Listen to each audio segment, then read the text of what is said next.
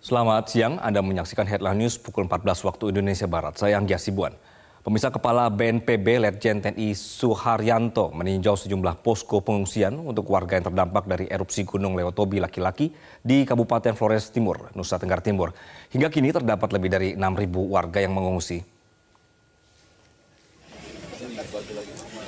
Kedatangan Kepala BNPB ini didampingi oleh penjabat Gubernur NTT dan penjabat Bupati untuk meninjau langsung sejumlah lokasi pengungsian seperti di Desa Konga dan di SMP Ulang Gitang yang menjadi posko pengungsian.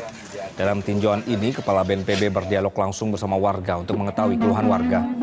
Selain melakukan peninjauan, Kepala BNPB juga menyerahkan bantuan logistik berupa sembako, selimut, kars, kasur lipat, tenda, dan makanan siap saji, serta kebutuhan logistik lainnya. Kemudian bantuan berupa dana siap pakai juga diberikan sebesar 500 juta rupiah.